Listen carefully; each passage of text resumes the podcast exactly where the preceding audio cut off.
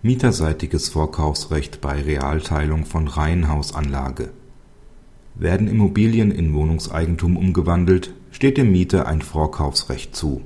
Ein solches soll auch dann bestehen, wenn eine Reihenhausanlage nach Realteilung vertrieben werden soll.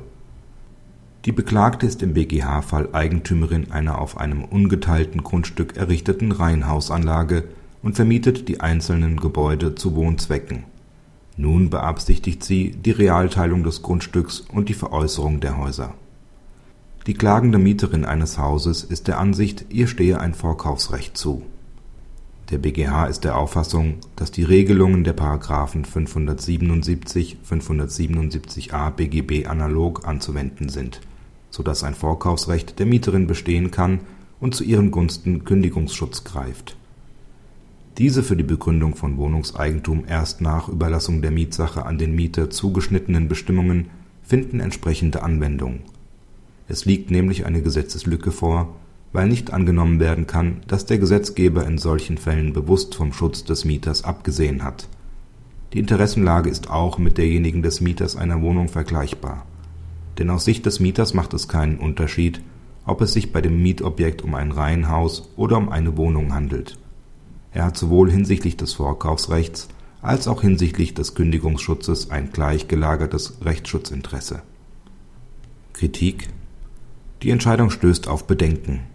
Zunächst ist die Auffassung des Senats, was er bekennt, vom Wortlaut der Paragraphen 577, 577a BGB nicht gedeckt. Für deren analoge Anwendung mangelt es jedoch an einer bewussten Gesetzeslücke. Die Vorschriften die auf die inzwischen aufgehobenen § 2a und 2b Wohnungsbindungsgesetz zurückgehen, haben Ausnahmecharakter. Sie sollen den Wohnraummieter vor spekulativen Umwandlungen von Mietwohnungen in Wohnungseigentumsobjekte schützen. Solche traten bei Wohnungseigentum in der Vergangenheit häufig auf. Durch den dann folgenden isolierten Verkauf und die Geltendmachung von Kündigungsgründen konnte es für Mieter zu erheblichen sozialen und wirtschaftlichen Nachteilen kommen bei Reihenhäusern sind solche Geschäftspraktiken nahezu nicht beobachtet worden. Auch im vorliegenden Fall lässt sich nicht erkennen, worin der spekulative Charakter der von der Beklagten geplanten Realteilung und Veräußerung bestehen soll.